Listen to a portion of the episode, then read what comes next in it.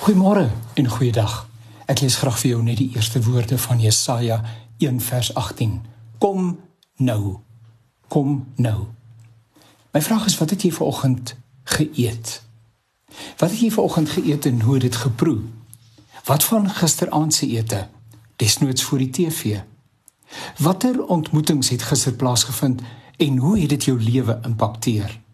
Het jy jou ander helfte, ook die kinders vanoggend gegroet voor jy werk toe is? En kan jy iets daarvan herroep? Het jy die verkeer rondom jou opgelet en watter indruk het dit by jou gelaat?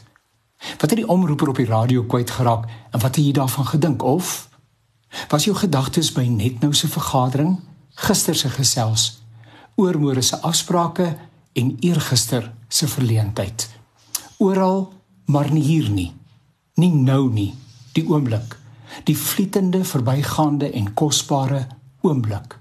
Maar jy's nie hier nie, nie nou nie. Tussen gister en môre lê vandag. Die meeste van ons mis vandag.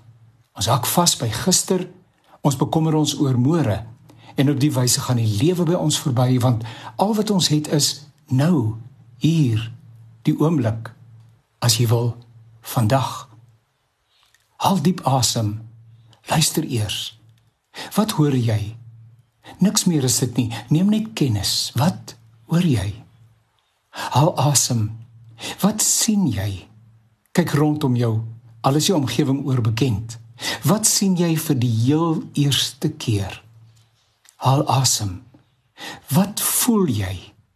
Moet nie beredeneer en probeer verstaan nie. Geen net erkenning dat jy iets voel. Gee dit net 'n naam, die emosie. Benoem dit gespanne, opgewonde, neutraal, draak my nie agtig, hartseer. Haal asem. Waaraan dink jy? Net dit. Wat gebeur in jou kop? Neem net kennis van die hier en die nou, die oomblik, goddelik, vlietend amper verby. Verby. Môreoggend groet jy bewustelik. Jy ruik omhels vir 'n toefo oomblik.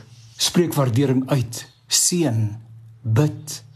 Jy proe jou roosterbrood, die tekstuur, die botter, die soutsmaak, die oomblik. Jy neem 'n sluk koffie, rol dit eers in jou mond rond voordat jy sluk. Jy proe dit asof vir die eerste keer Haal asem. Al wat jy het is die oomblik nou.